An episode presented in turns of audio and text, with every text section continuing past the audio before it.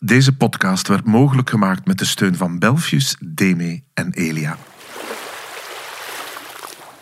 Mysterium tremendum et fascinans. En dat is Latijn voor het onweerstaanbaar, vreeswekkende, woest en vredig. De zee eigenlijk. Hè. Het begin en einde van alles. Ik ben daar ongelooflijk door gefascineerd door die zee. En alles wat daar te vinden is. En daarom heb ik een instituut opgericht. Een echt instituut, het IOBZ. En dat staat voor het Instituut voor Onderzoek naar de Betovering der Zeeën. En uh, daarvoor ga ik in gesprek met boeiende en interessante ondernemers die zich bezighouden met de toekomst van onze elfde provincie. Dat doe ik niet alleen, ik doe dat samen met Stefanie de Smet. Dag Wim Obroek. Dag Stefanie. Ik ben Stefanie, journalist van De Tijd. De voorbije weken liep er in De Tijd al een reeks rond de economie van de Noordzee. En ook in deze podcast willen we daarop doorgaan. Doorgaan op ons kleine stukje zee. Want het is veel belangrijker en vooral veel interessanter dan we soms denken. Nergens ter wereld wordt de zee drukker bevaren en meer gebruikt dan hier. Er wordt ontzettend veel geëxperimenteerd in de blauwe economie. En in vier afleveringen gaan Wim en ik op onderzoek naar de toekomst van deze fascinerende blauwe economie. In deze aflevering praten we met marinebiologe Karen Rappé. Karen werkt al tien jaar voor het Vlaams Instituut voor de Zee in Oostende. En ze is ook lange tijd bezig geweest met onderzoek naar de chemische vervuiling in onze Noordzee. En ik weet dat er een nieuw soort kreeftje is ontdekt met een plastic vezeltje in zijn darmstelsel. Maar ik heb geen enkel idee hoe goed of hoe slecht het nu eigenlijk gesteld is met de Noordzee. En al dat onderzoek, dat is razend interessant, maar kan het ook echt iets veranderen? Maar beste luisteraar van deze podcast, we zitten in Zeebrugge op de marinebasis. Letterlijk in een hoge toren met zicht op zee. En er staat nog steeds een stijve bries vlak aan het fameuze onderzoeksschip de Belgica. Dat gaat dit jaar met pensioen en we praten met Karen Rappé. Welkom Karen Rappé in onze vogelnest, ons kraaiennest. Een beetje grijs weer. Dat is de Noordzee. Maar dat is echt wel, dat vind ik nu echt een keer fantastisch. Vier seizoenen in één dag. Four seasons in one day.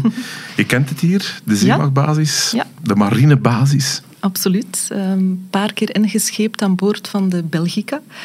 Uh, ondertussen zo'n 15 jaar geleden, vermoed ik. Zou ik het aantal campagnes kunnen tellen? Um, Stel ze maar vijf, keer. zes, zoiets altijd op de Belgisch deel van de Noordzee. Want we okay. spreken hier wel over een oceanografisch schip, de ja. Belgica. Dus die heeft um, een veel grotere actieradius dan ons Belgisch deel van de Noordzee. Um, hij, hij, is actief geweest, want dat moeten we wel zeggen, hè, uh, tot... Um, wat ik weet, hè, de, de, de kust van Marokko tot in de Ierse Zee, tot uh, voor de kust van Noorwegen. Hè. Um, dus ja, inderdaad, een paar keer ingescheept aan boord van de Belgica, maar ook actief geweest op andere onderzoeksschepen. In Vlaanderen hebben we nog een ander onderzoeksschip. Als dat onderzoekster? Is, uh, als onderzoekster, ja. ja. Voor welk onderzoek? Ik heb een paar jaar op het Labo voor Marinebiologie gewerkt aan de Universiteit Gent. En daar draaide ik mee in een project waarmee we keken naar de impact van micropolluenten aanwezig in onze kustzone op de verschillende compartimenten van het ecosysteem. Nu, dat is alweer een hele boterham waarschijnlijk. Ja, okay. Momenteel spreken we vaak over microplastics, en dat wil ik eigenlijk zeggen. Uh, en we vergeten misschien, vooral in de media, vaak dan dat er eigenlijk ook nog chemische polluenten aanwezig zijn. De focus ligt er minder op. Hè. De wetenschappers zijn er uiteraard wel nog mee bezig. Um, het lijkt beter te gaan met de chemische pollutie in onze zee omdat we de beelden van de olievlekken op het strand en zo, die zijn verleden tijd, dat dateert uit de jaren 80, 90. Maar dat neemt niet weg dat die chemische pollutie er nog altijd is. Iedere dag worden er nieuwe chemische stoffen uitgevonden, ontwikkeld, op de markt gebracht. En die worden weliswaar gecontroleerd, maar we weten niet wat die impact van die cocktail van alle verschillende polluenten uh, heeft op de organismen die in de zee leven, pakweg. Ja. En hoe belanden die in de zee? Um, ja, als mens consumeren we polluenten. Um, dat klinkt raar, we consumeren polluenten. Ik leg het verkeerd uit. We gebruiken farmaceutische producten bijvoorbeeld. Veel polluenten. Um, we, we, gebruiken poetsproducten. Um, vrouwen nemen de pil. Um, er wordt drugs genomen. En dan heb je nog de industrie, die ook afvalwater heeft. Die komen allemaal via de riolering, uh, via waterzuiveringsstations. Die passeren daar. Die kunnen daar niet altijd uitgefilterd worden. En die komen dan in de oceaan terecht. Ik zei vroeger altijd, wanneer we met het project bezig waren, als mensen vroegen van, ja, hoe zit dat nu met die vervuiling? Dan zei ik, wacht, als je een beetje hoofdpijn hebt, weet je, eet een kilootje garnalen, dan heb je genoeg paracetamol binnen. Oeh. Voilà. Bij wijze van spreken, hè, omdat mensen daar niet bij stilstaan. Mm. Dat ook dat in onze zee aanwezig is. En dat probleem is vandaag groter dan vroeger, of dat groeit nog steeds? Groter zou ik het niet per se durven noemen. Het is anders. We komen, zoals ik zei, uit het tijdperk van zware olievervuiling. Dat is een, zeer dramatisch gegeven voor alle organismen in de zee. Eh, zeer visueel zijn dan de vogels die daaronder te lijden hebben, omdat ze besmeurd zijn met olie. Eh, maar evengoed de, de vissen, alles heeft daaronder te lijden. we komen ook uit de periode van zware metalen. Het gebruik van zware metalen uh, ongebreideld. Ook dat wordt nu meer gecontroleerd. Dus die uh, concentraties liggen veel lager. Um, kan er heel veel beginnen opzommen. Bijvoorbeeld DDT is ook zo in um, als pesticide, uh, maar die wordt ook uitgefaseerd. Het Vlaams Instituut voor de Zee is één van de instellingen of instituten in Vlaanderen, België, um, die bezig zijn met marien onderzoek. Uh, wat velen niet weten, België is eigenlijk een zeer kleine zeenatie, maar wij zijn wel wereldtop als het gaat over marine wetenschappen. Ja, ja. Dat verbaast mensen altijd. Hè. Als we denken aan de grote marine naties, dan denken we aan Noorwegen, Portugal. Uiteraard, dat zijn toppers, maar ook in, België doen we het bijzonder goed. Het heeft te maken met de rijke voorgeschiedenis. Uh, we dragen dat bijna bijna 200 jaar met ons mee. Um, dus we hebben goede fundamenten. En dat zorgt ervoor dat we momenteel in Vlaanderen een zeer divers onderzoekslandschap hebben. Het gaat niet meer enkel en alleen over biologie. Het gaat evengoed over aquacultuur, geologie, ehm, de interactie tussen menselijke gezondheid en de oceaan. Um, som het op. We zijn met heel veel bezig. Klimaat, uh, microplastics. Ik kan zeggen dat er in België zo'n 1600 mensen met marien onderzoek bezig zijn um, verspreid over 117 marine onderzoeksgroepen. Dat betekent over die verschillende universiteiten en instituten dat er 117 afdelingen zich specifiek richten op iets wat betrekking heeft tot de zee of de oceaan. Um, als we dan kijken hoe dat, dat ons rankt op wereldschaal, mm. dan heb je een rapport, Global Ocean Science Report, van UNESCO uitgegeven. Dan staan we op de vijfde plaats qua investering in marine onderzoek per capita Um, dus we hebben eigenlijk 140 marineonderzoekers per 1 miljoen inwoners. dat klinkt eigenlijk nog een fractie van een. maar um, ja, daar laten we landen voor als, wat ik reeds zei, Noorwegen, Denemarken, Ierland, Portugal. Ja, en dan staan wij daar op de vijfde plaats. Amerika, de UK, die liggen ver achter ons. Dus in België doen we het wel goed qua marineonderzoek, absoluut. En hoe kijkt uh, zo'n onderzoeker dan nu vanuit het vlies naar de ligt hier achter ons. Eh, de, de druk bevolkte hm. van. Trouwens op, dat je over oceaan altijd spreekt. Ah ja. Ik kan mijn oh. vraag dan afmaken. Hè? Maar... Ja, ja um, het is allemaal verbonden met elkaar. En een, een zee we hebben heel lang over oceanen gepraat. De meeste mensen praten nog altijd over de verschillende oceanen, maar alles is verbonden met elkaar. Dus het vormt gewoon één oceaan. Eén oceaan, één zee. De zeeën zijn dan meer de... zeven zeeën. Vergeet de zeven zeeën, echt waar? Ik zou niks vergeten. Alleen focus op leren kennen. Nu heb ik een instituut opgericht, het Instituut voor Onderzoek naar Vlaams Instituut voor de Zee. zeeën, heb ik gezet. Ah ja. Der ja. zeeën. Der... Het is archaïs, hè? Ja, komt goed. Maar hoe kijkt een onderzoeker, onderzoekster naar uh, de, ja, de, de, de drukte, zeg maar, op de, de ingrepen op, op de Noordzee, op onze elfde provincie? We zitten vlak onder de kust. Hè. Um, mensen zijn inherent verbonden aan de zee. Het is een, een, transportmiddel bij uitstek hè, om naar andere continenten te varen, uh, van oudsher al. Uh, ja, het is hier een drukte van je welste, zeker in het Belgisch deel van de Noordzee. De locatie waar dat wij liggen, op, op wereldschaal of, of binnen Europa. Hè. Je hebt hier het kanaal, um, alles die enigszins van de Atlantiek naar het noorden van Europa wil gaan, passeert langs ons. We hebben heel drukke havens, um, dus zeer drukke scheepsroutes. Um, de urbanisatie is ook druk, hè? De kust zelf, de kustlijn. Nee, ik bedoel, wat er, uh, de windmolen, Ja, ja, inderdaad. Dat zijn dan de andere Natura facetten. 2000. Ja, we hebben enkele natuurgebieden. We hebben de wrakken.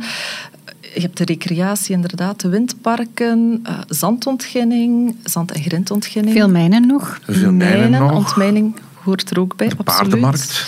Dumpplaats, uh, baggerspecie um, wordt ook gedumpt op zee. Dus je hebt Denkt een onderzoeker dan niet van, oh, stop! Nee, nee, want de zee is van iedereen. Nee, het moet gewoon goed gecontroleerd worden. We moeten hier samenwerken en optimaal gebruik maken van wat er voorhanden is. Weliswaar onder het voorzichtigheidsprincipe dat we willen gaan voor een zee die lange tijd duurzaam is. De zee is van iedereen, maar de Vlaamse bevoegdheid start of begint aan de lage of de hoge vloedlijn? Lage. Lage vloedlijn. Vanaf dan begint Federale. het federale. En, en tot waar reiken onze... En je hebt dan territoriale wateren en... Exclusief economische zone. Ik kan al niet meer volgen. Ik kan de luisteraar... Maar Ja, wacht, wacht. het vlis speelt daar wel een belangrijke rol in. In Ja, het bepalen van en het, en het goed in kaart brengen van al die Ja. marine regions. is moeilijk, hè? Grenzen op zee, want Ja. daar ga je over. Hè? Ehm, hoe duidt je dat überhaupt aan? En dan, hè, voor België is dat behapbaar. Het is klein. We hebben eigenlijk gewoon een elfde provincie in die Noordzee liggen. Die is van ons. Maar voor andere landen eh, is dat niet zo evident. En inderdaad, je hebt die territoriale wateren die moeten afgebakend worden. Je hebt de exclusieve economische zones die moeten afgebakend worden. Dat is ongeveer 370 kilometer de zee in, is per definitie hetgeen wat het land toekomt, of de natie toekomt. En dan daarbuiten heb je eigenlijk de internationale wateren, de high seas. Ehm, Die zijn van niemand. Die zijn van iedereen en van niemand. Ja. Ja. Ehm, en in het VLIS hebben we een, een datasysteem, dat heet Marine Regions, de marine regio's. Het is eigenlijk een register van alle plaatsnamen en alle grenzen op de wereld die enigszins met de zee of de oceaan te maken hebben. Ehm, het is een enorme referentie, omdat op wetenschappelijk vlak wil je natuurlijk juiste coördinaten hebben en weten waar dat je iets doet en daar op de juiste manier naar refereren. Qua benaming van je locatie, qua ehm, ook in welke natie dat, dat precies ligt. Maar ook eh, ja, geopolitiek is dat heel erg belangrijk natuurlijk. Dat landen een mooie afbakening hebben van hun zones ehm, in de zee. Dus jullie systeem dat hier in Vlaanderen wordt gemaakt, wordt eigenlijk internationaal gebruikt. Ja, absoluut. En er was daar nog nooit iemand opgekomen, blijkbaar. Ja. Dus kijkt men ook wel naar dit kleine stukje Noordzee van alle andere landen als een soort on- on- onder... Ja, innoverend stuk zee? Of... Ik denk dat dat de kracht is van het feit dat we met een Kennis. relatief klein stukje Noordzee zitten. We hebben een goed uitgewerkt eh, ru- marine-ruimtelijk plan. Ehm, we hebben die rijke geschiedenis qua onderzoek op zee. Dat brengt ons terug naar de tijd van Pierre-Joseph van Beneden, van Gilson, eh, is dan doorgegaan naar ons instituut. En we hebben ons ingewerkt in het ontwerpen van databanken. Want het is wel zo dat die wetenschappers hier in Vlaanderen of in België of wereldwijd stalen kunnen gaan verzamelen. Maar dat is een zeer dure aangelegenheid. En we gaan uit van het principe you sample once, you use it multiple times. Ehm, de gegevens die verzameld zijn door één wetenschapper willen wij, en we doen het al twintig jaar, centraliseren in databanken, zodanig dat die open en beschikbaar zijn voor andere wetenschappers, die daar opnieuw onderzoek kunnen op uitvoeren, maar evengoed voor de industrie. Ook voor de economie. En, ja, de economie. En dat is wel een van de sterkste, sterktes van het Vlaams Instituut voor de Zee. Dat is ons Marine Datacentrum, waarin tal van ehm, ja, datasystemen ontwikkeld worden. Marine Regions is daar één voorbeeld van. Dan heb je het Wereldregister van marine soorten. Die is eigenlijk letterlijk taxonomisch. Hè. Alle marine soorten gaat oplijsten die enigszins gekend zijn in deze wereld. En eh, momenteel zijn dat er uh, 240.000, 250.000. Maar dat is nog maar een fractie van wat dat er eigenlijk aan verschillende organismen in de oceaan leeft. Dus dat is eigenlijk de encyclopedie van het zeeleven. Het is de referentielijst als je een marine soort wil een goede naam geven. Hmm. Ja. Als je iets vindt, het heeft nog geen naam, dan krijg je daar de correcte benaming. Want doorheen de geschiedenis ja, zijn er vanuit verschillende landen misschien hetzelfde dier al meerdere keren ontdekt. Heeft dat een andere naam gekregen? Of was dat taxonomisch?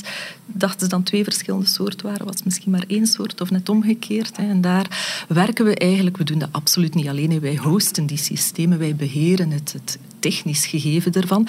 Maar we werken bijvoorbeeld voor WORMS, want zo heet het, het Wereldregister van Marine Soorten, werken we wereldwijd samen met uh, taxonomische editors. Um, het zijn zo'n driehonderdtal experten die met niks anders bezig zijn dan met naamgeving van soorten. Dus ook als er een nieuwe soort ontdekt wordt, wordt die onmiddellijk toegevoegd aan het register. Worms publiceert sinds een paar jaar um, elk jaar een top hm? van nieuw ontdekte soorten dat zijn vaak heel bizarre creaturen mhm. die diep in zee leven. Dat is omdat we de kustzones zijn gemakkelijk toegankelijk zijn die zijn vaak ondiep, of als ze al niet ondiep zijn, dan kunnen we er gemakkelijk met een onderzoeksschip naartoe varen. Um, het heeft onze visie op wat de zee en oceaan zijn hele lange tijd bepaald, de toegankelijkheid ervan. Nu ehm, komen we in een tijdperk waarmee de oceaanexploratie eindelijk wat vaart begint te nemen en waarmee dat we ook vaker naar de diepzee kunnen gaan. Dat is een zeer moeilijk toegankelijk um, ecosysteem voor de mens dan toch.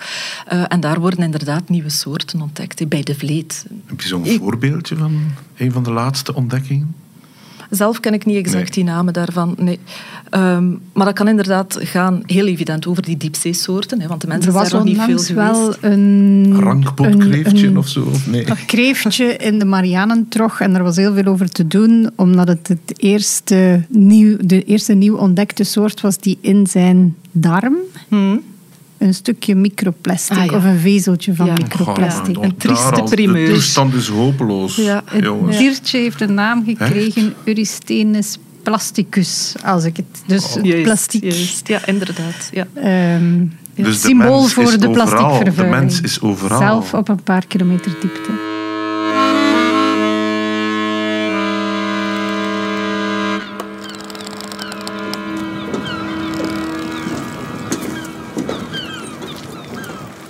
Als je opstapt aan boord van een onderzoeksschip, dan uh, heeft dat een specifieke geur. Ligt aan de kok, ligt aan de uitlaatgassen, ligt aan de bemanning, ik weet het niet, maar ieder schip heeft zijn geur. Zoals ieder huishouden zijn geur heeft, hè? toch? Hier had je het vislabo. Het is niet groot, staan de grote metalen tafelen waarop dat als er een vangst was, dus die kwam met het net binnen, werd verzameld in grote visbakken. Um, en die werden dan gesorteerd binnen in de laboruimte. Een kleine bedompte ruimte. Zonder raam? Zonder raam, waar dat zeeziekte toch wel altijd om de hoek loerde wanneer dat je wat vermoeid was. Ja. Maar dat hoorde erbij. Vis. Visgeur. Zo. Mhm. maar, nu, vis stinkt niet. Hè. Vis stinkt, maar als die uit de zee komt, dan ruikt dat niet. Het is maar vanaf dat dat te lang op warme temperatuur ligt, dat dat begint te stinken. Maar uh, een goede viswinkelaar kan je ook altijd omdat hij niet naar vis ruikt.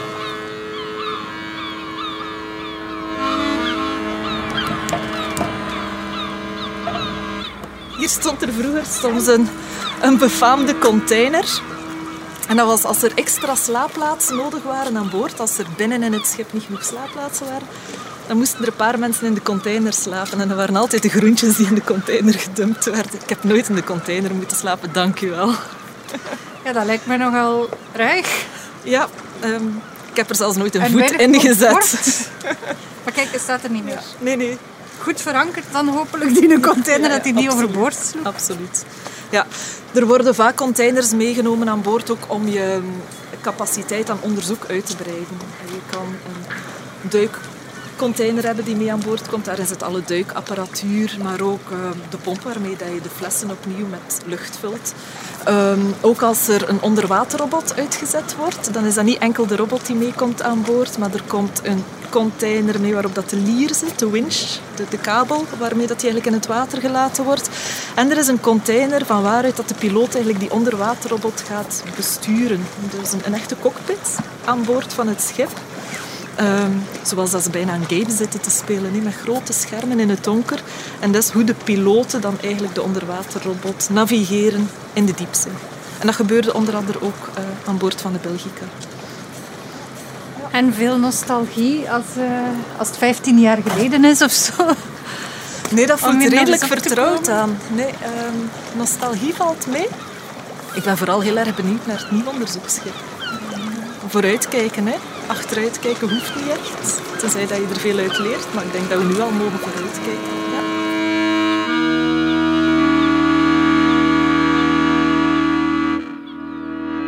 We hebben hier al een gesprek gehad met de industrie, mhm. die op de diepste plekken ja, knollen gaat uh, ja. ontginnen. En, uh, ja. het is altijd, ik vraag me af hoe, hoe een puur een wetenschapper of bioloog kijkt naar die evolutie, hm. naar die ingrepen. Uh, we zitten in een maatschappij waarin dat er een transitie nodig is. Hè, van een, een, fossiele brandstoffen naar een CO2-neutrale maatschappij dan. Um, en daarvoor zijn er ontwikkelingen nodig die alles op het land is opgebruikt. Daar zitten we op het eind van onze mogelijkheden. Dus moeten we inderdaad gaan kijken naar wat dat er mogelijk is in de oceaan. Uh, hoe kijk je daar dan als wetenschapper naartoe? Met onder enig voorbehoud, met enige voorzichtigheid, wil je dat vooraleer de industrie daar uh, zijn activiteiten ontplooit, dat er daar gegrond wetenschappelijk onderzoek op uitgevoerd wordt, zodanig dat je met gerust hart kan zeggen, ja, ga maar van start. Um, en dat is niet evident wanneer dat, dat gaat over plaatsen die tot nu toe nog niet ten volle geobserveerd zijn, zoals bijvoorbeeld de diepzee. En waarom is dat? Want er wordt wel eens gezegd, we weten meer over het oppervlak van de maan dan over de diepste... Mhm. Of het diepste punt in de oceaan. Absoluut. Dat, is, niet zomaar een boetade. Nee, nee, nee, nee. Er is ongelooflijk veel meer geld geïnvesteerd in ruimteonderzoek dan in zeeonderzoek. Um, jammer eigenlijk, hè, want het is de, de oceaan die zorgt dat onze planeet vitaal is en dat wij zijn wie dat we kunnen zijn. Hmm. Zonder die oceaan zou het leven er anders uitzien op aarde, of misschien zelfs er niets uitzien. Um, dus veel meer ruimteonderzoek omwille van de, de zichtbaarheid, de toegankelijkheid. Als je, je kan de ruimte inkijken miljarden lichtjaren vooruit met telescopen. Dat kunnen we niet met de oceaan. We kijken vanaf een satelliet en we botsen op dat wateroppervlak en we kunnen daar niet doordringen. Keer dat je buiten de atmosfeer komt, zit je in het luchtledige. En dat blijft constant zo. Kom je in de zee terecht, vanaf dat je 10 meter diep zakt, heb je een toename van druk met 1 bar. En zo gaat het maar door. En dat stapelt en maar op, stapelt en maar op. Dan zit je in de Marianne terug, waar je het daarnet over had, 11 kilometer diep. Ja, dan word je daar als mens platgeduwd. Dan lijkt het alsof, wat is het, 50 jumbo-jets op jouw lichaam duwen. Dus die druk is immens en het verandert. Dus als je toestellen naar beneden stuurt, moeten die ook kunnen omgaan met die veranderende druk. En dat is een zeer grote technologische uitdaging, uiteraard. Um, ja, en dat zijn eigenlijk de factoren die tot nu toe beperkend waren. Nu is het um, Oceaan Decennium gestart. Hè vanuit de Verenigde Naties getrokken. En we hopen dat dat eigenlijk het momentum is. We voelen dat wel aan, dat momenteel ook omdat de economie meer en meer geïnteresseerd raakt in die oceaan, dat het momentum daar gekomen is om een enorme financiële boost te geven aan al die observatiecapaciteit van de zeeën en vooral oceaan dan.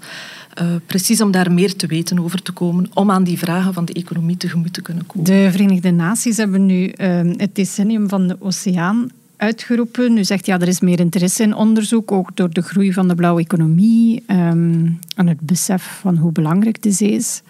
Wat zijn zo spannende domeinen waar u naar uitkijkt? Van daar mogen we nog veel van verwachten, of daar, zit nog, of daar valt nog heel veel te ontdekken? Er is een grote noodzaak in eerste instantie om alles wat dat te maken heeft met klimaat, biodiversiteit en de oceaan, om dat uit te gaan klaren. Ehm, daar werken we van als als mens uit aan een veel hogere snelheid dan hoe het ecosysteem ons eigenlijk kan bijbenen. Dus vooraleer ja, we, we, moeten weten niet enkel wat we daar fout doen, maar ook waar we intussen komen. Hè. Um, dus klimaat is heel erg belangrijk. Geef eens een voorbeeld. Alles hangt vast aan elkaar. Hè. Als we, ik heb het net aangehaald, we kennen nog niet alle soorten die aanwezig zijn in onze oceaan.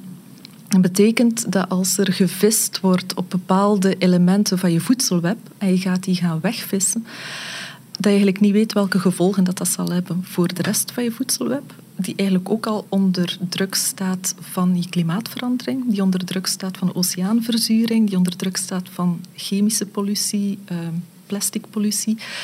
Um, er zijn heel veel processen die samengaan. En het laatste wat je wil is dat er nu nog schakels weggeplukt worden zonder dat je weet wat dan de gevolgen daarvan kunnen zijn. Is dat dan niet op, een beetje demotiverend voor een, voor een onderzoeker? Je hebt nu ongelooflijk veel onderzoek opgesomd en, en, en ook jonge wetenschappers en men gaat op zoek naar microplastics. En eigenlijk zie je, voel je dat je een impact kan hebben of een invloed? Of... Als wetenschapper? Ja? Absoluut. Ja. Ah, toch? Ja, ja, zeker. Nee, en ik vind Mij lijkt het een beetje theoretisch. Ja, we onderzoeken, we onderzoeken en dan hmm. geven we dat onderzoek vrij, we publiceren iets. Maar wat gebeurt er dan mee? Nee, ook omdat we op het punt staan waarin observatiecapaciteit aan het veranderen is. We hebben het nu vooral over onderzoeksschepen gehad, maar zie het, stel je het voor je. Dat schip gaat op zee en bemonstert daar eigenlijk maar een paar vierkante meter van je zeebodem. Maar we gaan nu naar geautomatiseerde observatietechnologieën. Eh, denk aan de onderwaterrobots, aan drifters, aan flow aan um, gliders, allerlei toestellen die zich door de oceaan onbemand um, kunnen gaan voortbewegen en die massaal veel data kunnen gaan verzamelen, die dan als eenmaal aan het oppervlak komen, dat via satelliet doorsturen naar het land dat, die hoeveelheid aan data laat toe om die datasystemen te gaan voeden, om meer te gaan modelleren, om meer zicht te krijgen op de processen. En dat is eigenlijk het momentum waarop dat we nu staan. Er is een enorme toename in die observatiecapaciteit. En daarvoor heb je die financiering nodig. En dat stemt me wel hoopvol. Ja. Um, je mag nooit bij de pakken blijven zitten. Daar heeft er nog nooit iemand baat bij gehad, ondanks alles wat dat er gebeurt. Ja. Ik schotel elke gast ook nog vanuit mijn functie als onderzoeker bij het IOBZ. Het Instituut voor Onderzoek naar de Betovering der Zee. Nog een reflectie voor een, een passage uit een... Ik had voor jou iets gekozen, Karen. En eigenlijk past het wel. Het is een beetje archaïsche taal. Het is Melville, uh, beste luisteraar van de podcast, die nu naar ons luistert. Uh, het komt uit Moby Dick. Moet een beetje verplaatsen terug als, als, als onderzoekster op zo de Belgica of op de Simon Steven. Het is nacht. En uh, Melville schrijft eigenlijk een heel mooi hoofdstuk dat heet Masthead, de masttop. Daar sta je verloren in de eindeloze opeenvolging der zee, met niets dat in beroering is dan de golven. Het schip deint traag in zijn droomtoestand. De slaperige passaatwinden waaien. Alles brengt je vanzelf in een loomheid. In dit tropische, walvisvarende leven maakt zich grotendeels een verheven kalmte van je meester. Je hoort geen nieuws, leest geen kranten. Extra edities met verbijsterende berichten over alledaagsheden verleiden je nooit tot onnodige opwinding. Je hoort niets over huiselijke rampen, bankroete zaken, effectendalingen. Je hoeft nooit te piekeren over wat je zult eten, want al je maaltijden voor drie jaar en langer zijn warmpjes opgeslagen in vaten en je menu is al onveranderlijk bepaald. Ja, het brengt me meteen terug naar de tijd toen ik aan boord was van de Tridents, waarmee dat je die stilte ervaart wanneer je in het midden van een zee zit. En de fascinatie en het wauw-effect wanneer je opeens in de verte Jan van Genten ziet cirkelen, die opeens de zee induiken en dan komt er opeens een dwergvinvis naar boven. De walvis, waar dat zij naartoe op zoek waren, weliswaar niet de dwergvinvis. Um, ja, inderdaad, als je aan boord, eenmaal dat je opstapt, begeef je in een andere tijdzone. Je levert je over aan het ritme van het leven aan boord. Je klok kan je bij wijze van spreken bijna op een andere tijdschaal zetten. Um, Hij wordt wat afgesloten van de buitenwereld. Die leeft daar in de kokon tussen bemanning en, en onderzoekers. Ehm, tegenwoordig ben je al minder afgesloten, want je hebt uh, satellietverbindingen. En oké, het is karig, je moet er uh, voorzichtig mee omspringen. Je kan maar een paar keer per dag je mails gaan checken. Misschien is ondertussen ook al veranderd. Um, dus ja, je leeft wat weg van de rest van de wereld en uh, geeft wel een speciaal gevoel absoluut. Het, het, brengt ons wel bij de betovering. Maar dit sprak nu over de tropische kalme zeeën. Maar Ook niet bij ons de kan het van mooi en ja. rustig zijn. Afsluitend uh, hebben wij voor elke gast... Enfin, wij, Stefanie heeft het nog niet, ik, uh, ook een zeemanslied of een zeevrouwenlied mm -hmm. waarmee we de, de podcast afsluiten. Maar je bent bekend met de zeemansliederen. Ben je bekend met meeuwenschreeuwen? Ja. Ben je daar al naartoe geweest? Nee, ik ben er nog niet naartoe geweest. Ja, dat is dus ongelooflijk. Hè? Het ken, je kent dat, Stefanie? Het Europees of zelfs een wereldkampioenschap, een wereldkampioenschap, wereldkampioenschap meeuwenschreeuwen. Dat wordt georganiseerd door een notwaar lid van het Vlies of onderzoeker bij het Vlies. Ja, een van onze collega's was daarbij betrokken. Was absoluut, daarbij betrokken. Ja. Het bestaat dus, en dat is in een cafeetje ergens in de Pannen of... Ja, in de Westhoek ergens. In de Westhoek ja. is er een kampioenschap meeuwen schreeuwen. Ik wou eraan meedoen, maar toen kwam de pandemie. Ik, maar het schijnt dat het bloedserieus is, hè? Blijkbaar. En dan gaan mensen op een podium staan en die gaan meeuwen, een meeuw imiteren. Een meeuw imiteren. Maar daar doen dus ook wetenschappers aan mee. Die dus de meeuw perfect, zo perfect mogelijk imiteren. Ja, want een meeuw maakt niet altijd hetzelfde geluid. Nee, hè? Als hij die eenmaal lachen nu weet... uit, precies. En ook dat. Je hoort ze onderling liefkozende geluiden naar elkaar, maar er broeden meeuwen op ons dak. En je begint te herkennen wanneer zelfs de kuikens uit het ei komen, want die roepen dan op een bepaalde manier. En ik dacht van, nu is het zover. Hè. En effectief, nog geen 24 uur later kreeg ik van de overburen dan een foto van de eerste kuikens die Daar van ons zijn dak ze trippelden. al. Ja. Dus onderschat niet zomaar de meeuwenschreeuwers. Nee.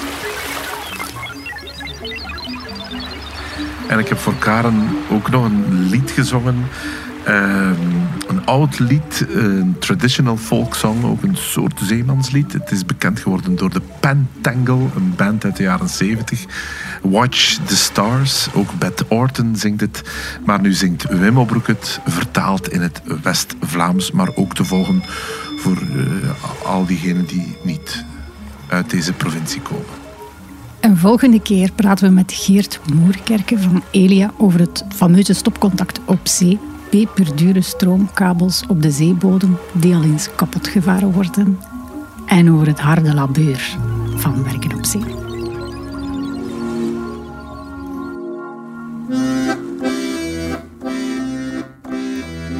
Kijk naar de sterren en hoe dan ze blinken. Kijk naar de sterren en hoe dan ze blinken. De sterren blinken, als de zon niet meer schinkt. Kijk naar de sterren en hoe dan ze blinken. Kijk naar de wind en hoe dat die waait. Kijk naar de wind en hoe dat die waait. De wind waait, als de zon niet meer schinkt. Kijk naar de wind en hoe dat die waait. Watch the stars and see how they run. Watch the stars and see how they run. The stars run down at the setting of the sun. Ah, watch the stars and see how they run. Watch the stars and see how they run. Kijk naar de sterren en hoe dan ze blinken.